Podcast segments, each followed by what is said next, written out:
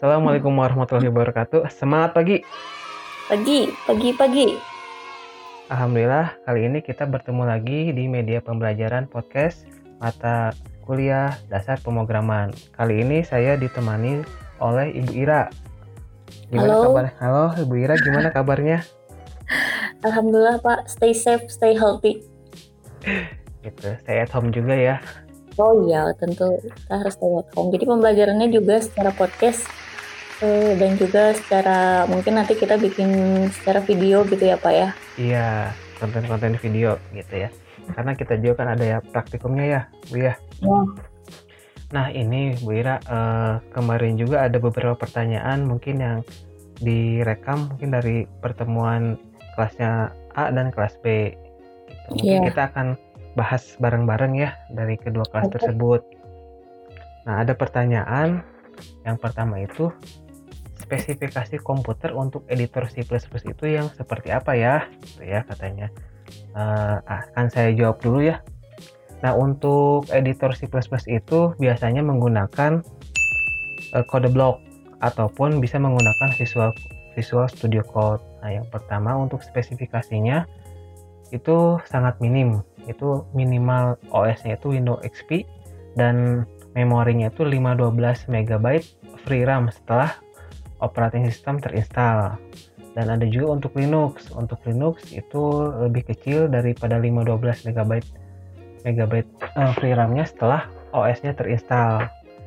Sama halnya sama kayak operating system di Macintosh. Jadi untuk untuk editor C++ itu sangat minim gitu. Jadi mudah-mudahan bisa dipergunakan. Nah, untuk Cukup ringan gitu ya. Ya, cukup ringan, cukup ringan. Jadi untuk instalasi dan cara penggunaan juga mungkin nanti ada di video YouTube mungkin ya Bu Ira ya. Iya, nanti Ah. kita sediain video tutorial untuk instalasi eh, apa editor yang kita gunakan untuk mata kuliah dasar pemrograman ini gitu ya Pak ya. Iya, betul ada yang pakai kode blok dan Visual Studio Code ya. Iya. Gitu. Oke, pertanyaan selanjutnya ya Bu Ira ya. Oke, Ini pertanyaannya sih banyak, cuman kita rang eh, cuma sebetulnya pertanyaan itu sama gitu. Kita rangkum aja ya. Oke. Apakah apakah ada buku atau e-book untuk belajar dasar pemrograman? Terus kemudian juga al- apa saya ingin semangat ngoding gimana ya caranya dan supaya mengerti tentang RPL. Kemudian ada juga yang nanya web terpercaya.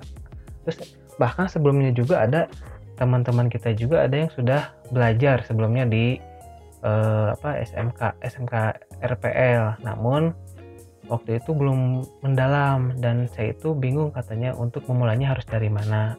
Mungkin Ibu Ira punya pengalaman atau saran-saran yang pernah Ibu Ira Ibu Ira pernah alamin gitu.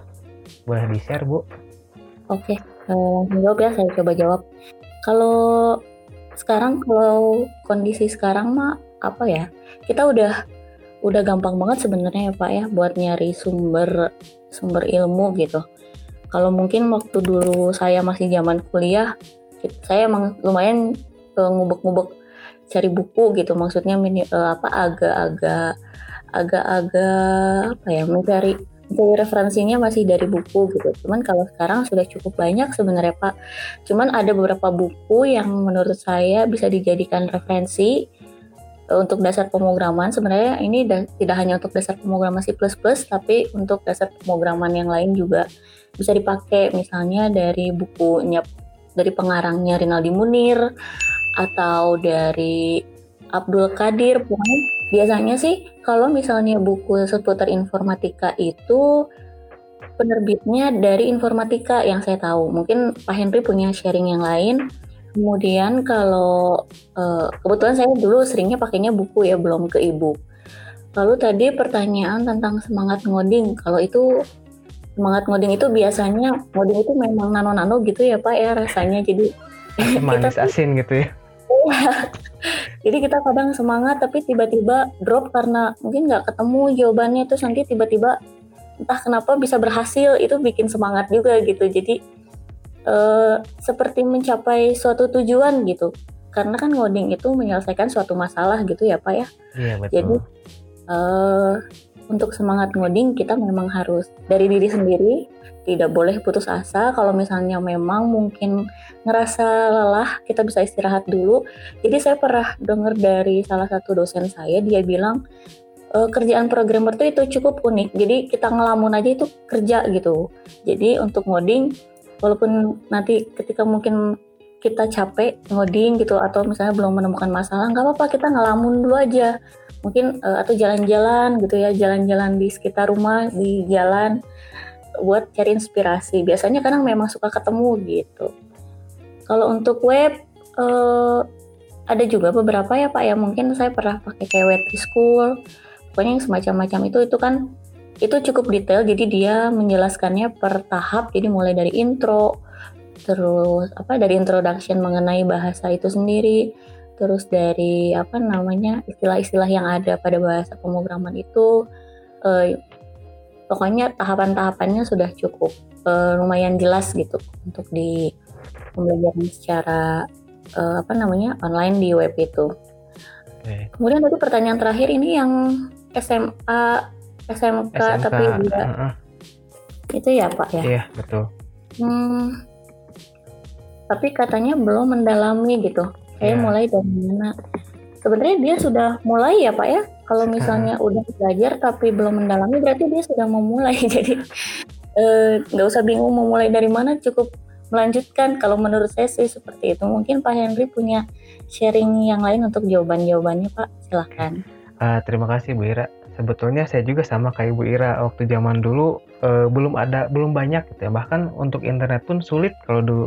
Berbeda iya. halnya uh, berbeda halnya sama dengan zaman sekarang gitu kan ya. Kalau zaman sekarang kan istilahnya kalau misalnya mau cari referensi atau cari buku kan kita bisa melalui handphone ya atau gadget kita ya, ya. betul nggak? Uh -uh. Betul betul. Nah saya juga dulu pernah sering yang sering saya baca itu referensinya itu Abdul Kadir juga gitu Abdul Kadir. cukup terkenal ya di dunia informatika ini. Iya sama Rinaldi Munir gitu ya Bapak Rinaldi Munir gitu ya. Nah, terus kemudian kalau untuk yang ebook biasanya saya sendiri biasanya seringnya di Wetri School. Di situ ada C++, ada web dan lengkap bahkan ya. Selain itu juga ada programmis.com. Nah, itu buat ada buat pembelajaran juga ada C++ salah satunya. Terus kemudian ada tutorialspoint.com. Itu juga yeah. sama gitu. Jadi mulai dari dasar bagaimana caranya uh, basicnya atau fundamentalnya itu seperti apa untuk untuk programming Nah, kalau misalnya yang sudah mempelajari di eh, SMK dulunya, mungkin kan pernah belajar atau pernah mendengar mendengar gitu ya, mendengar tentang misalnya tentang looping gitu ya. Pasti ketika ada pembahasan tentang looping pasti oh, pernah ngedenger nih ini. Oh, ternyata kayak gini. Nah, pasti itu membuat daya ingat lagi kayak gitu. Yeah.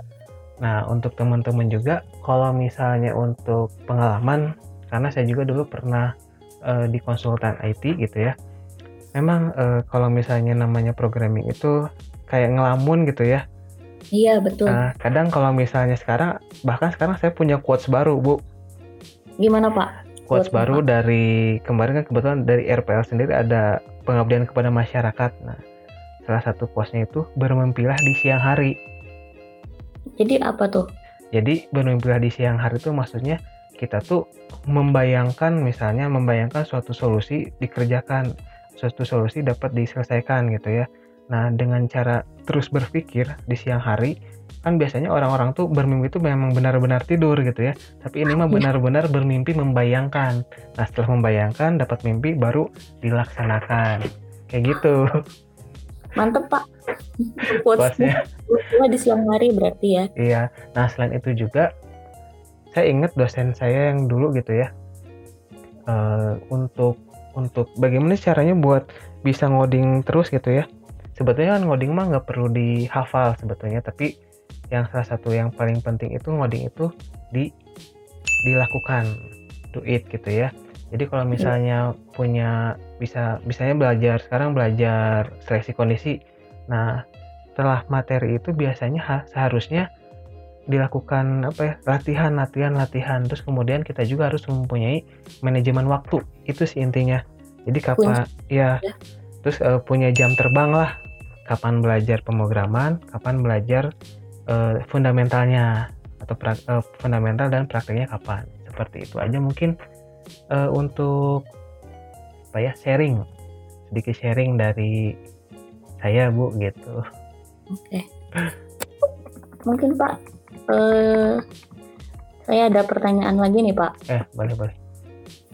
Jadi ceritanya dia ini dari SMA kemudian dua bulan lalu ikut workshop tapi workshopnya itu membuat aplikasi menggunakan React Native dan menggunakan bahasa JavaScript.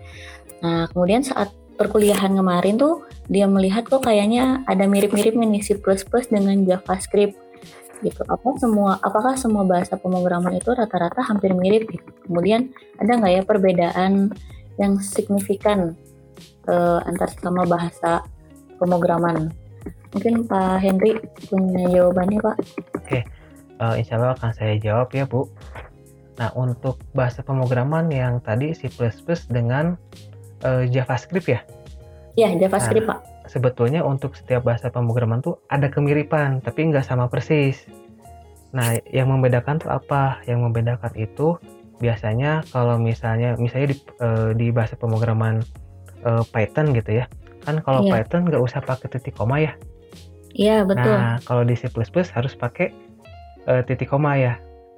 Iya. Ya itu tapi sebetulnya algoritmanya itu sama. Jadi kalau misalnya kita melakukan looping gitu ya, kan looping itu kalau looping di C++ itu kan for i titik dua sama dengan i sama dengan 0 kemudian titik koma i i uh, lebih kecil atau sama dengan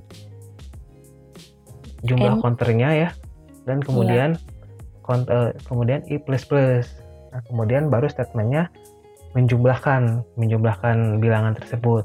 Nah, sedangkan yeah. kalau misalnya di Python kan for i for i uh, pakai range kan ya kalau di Python ya.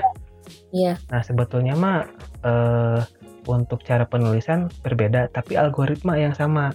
Makanya kita harus memperdalam algoritmanya karena kalau misalnya kita memperdalam algoritma dan fundamentalnya pasti bahasa pemrograman apa pun insya Allah pasti bisa dikuasai seperti itu Bu Ira.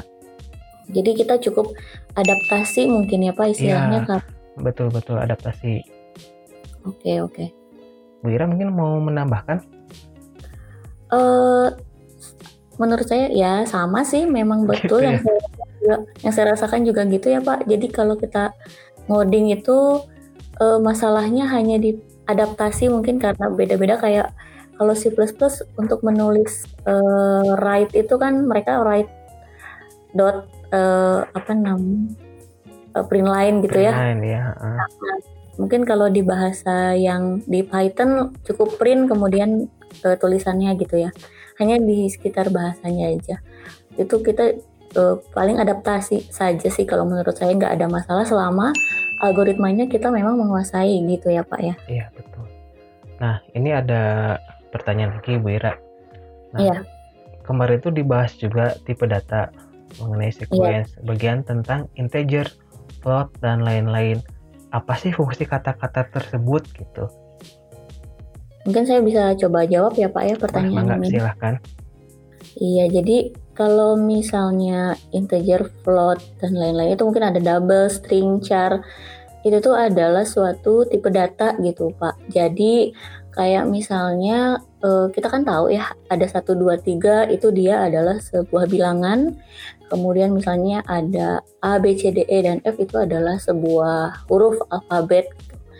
Nah, uh, kita, apa namanya kita itu ketika membuat suatu program kita kan menginstruk, menginstruksikan uh, suatu program ke dalam bahasa komputer. Nah, si komputer ini belum mengerti yang kita inputkan ini adalah sebuah bilangan kah atau sebuah huruf kah eh, atau sebuah kata atau misalnya bilangan itu seperti apakah apakah bilangannya bilangan real atau misalnya dia bilangan yang merupakan pecahan atau bukan nah jadi si uh, apa namanya si teks ini harus kita deklarasikan istilahnya Pak.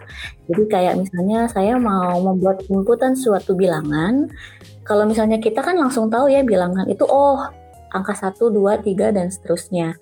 Terus kalau misalnya oh mau masukin pecahan berarti kan kita sudah tahu oh langsung aja 0,1, 0,5 dan lain sebagainya. Namun eh, komputer dia tidak tahu nih apa si 10 ini tuh bentuknya adalah bilangan kah atau pecahan atau bahkan itu adalah huruf gitu.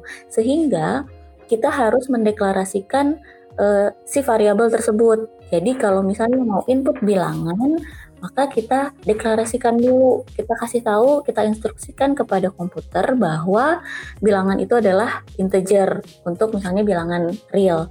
Kemudian uh, float atau double itu itu untuk bilangan pecahan ya Pak. Jadi uh, apabila nanti kita punya uh, apa namanya mengoperasikan suatu bilangan yang hasilnya mungkin adalah yang dibutuhkannya adalah sebuah pecahan, maka dideklarasikan dari awal bahwa variabel tersebut uh, tipe datanya adalah float. Gitu juga dengan char atau string. Jadi kalau misalnya uh, biasanya dipakai misalnya kita bikin form input nama gitu ya. Nah, nama itu kan isinya adalah karakter dari huruf ya. Misalnya namanya saya Ira gitu. Ira IRA. Maka si komputer harus tahu bahwa IRA ini adalah huruf bukan sebuah bilangan atau bukan sebuah angka. Sehingga kita e, mendeklarasikan si huruf ini ke dalam bentuk tipe data string gitu atau char tadi. Gitu. Mungkin e, jawaban simpelnya seperti itu karena e, biasanya e, akan lebih apa ya akan lebih ngeh kalau kita nanti langsung praktek gitu ya Pak. Jadi e, dicoba-coba terus nanti misalnya ada error oh berarti ini error tipe data. Nanti apa istilahnya ya learning by doing gitu ya Pak ya. Iya, tapi secara simpelnya seperti itu penjelasannya. Mungkin Pak Henry mau menambahkan Pak? Kalau saya kira cukup udah dijelaskan detail sama Ibu Ira. Terima kasih Ibu Ira Iya. Nah, untuk selanjutnya Bu Ira ini ada pertanyaan terakhir nih Bu. Oke. Okay. Uh, eh, mungkin nanti untuk penugasan seperti proyek aplikasi, apakah dikirim aplikasinya atau ditampilkan lewat presentasi daring? Dan kemudian proyek yang akan dibuat ketika UTS atau atau UAS gitu ya, itu seperti apa nantinya? Silakan Bu Ira. Oke. Okay. Kalau untuk proyek aplikasi Uh, tentu ya kalau kita misalnya memberi tugas proyek aplikasi berarti kita harus tahu aplikasinya dan tidak hanya dilewat dipresentasikan. Biasanya kita itu ya Pak, kalau misalnya memberi tugas uh, bentuk apa namanya aplikasinya seperti apa, kemudian kita juga bedah secara coding gitu ya Pak. Uh, kemudian mereka nanti mempresentasikan fungsi-fungsi uh, yang ada di apa namanya di aplikasi tersebut gitu. Kemudian untuk proyek yang akan dibuat ketika UTS atau UAS itu ya, kelompok kemungkinan jadi sistemnya mereka eh, apa namanya membuat proyeknya secara kelompok, eh, membuat sebuah aplikasi dari eh, materi-materi eh, yang sudah kita pelajari selama satu semester. Itu ya Pak. Mungkin mau di, mau ada tambahan dari Pak Henry. Oke, uh, mungkin tambah sedikit kalau misalnya untuk UTS itu pembahasannya materinya mungkin dari dari pertemuan pertama sampai pertemuan ke-7 ya Bu ya. Nah, oh, untuk iya, UAS pertemuan ke-9 sampai pertemuan ke-15 seperti itu. Ya Bu ya. Iya, betul, Pak. Nah, nah, mungkin itu saja untuk pertanyaan-pertanyaannya. Tapi di sini ada beberapa teman kita yang sharing juga, Bu.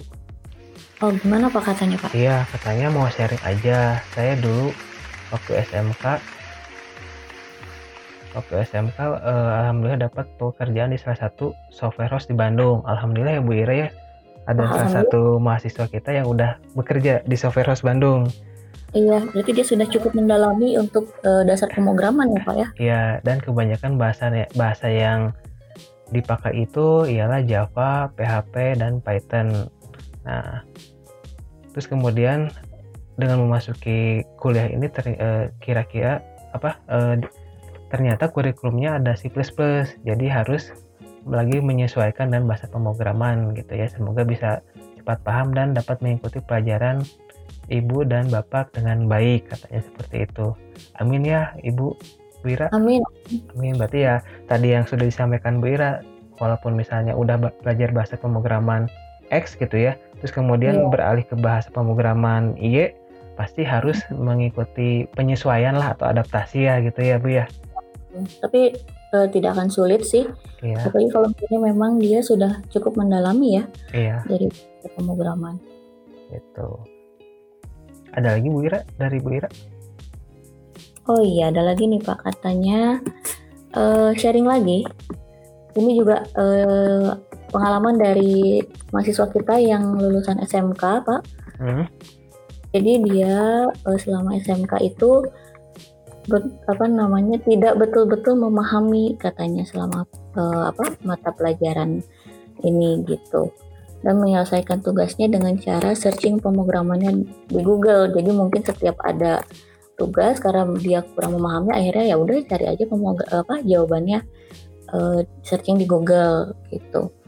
Semoga di perkuliahan ini saya bisa benar-benar mengerti supaya bisa menjadi mota, modal materi untuk ke depannya.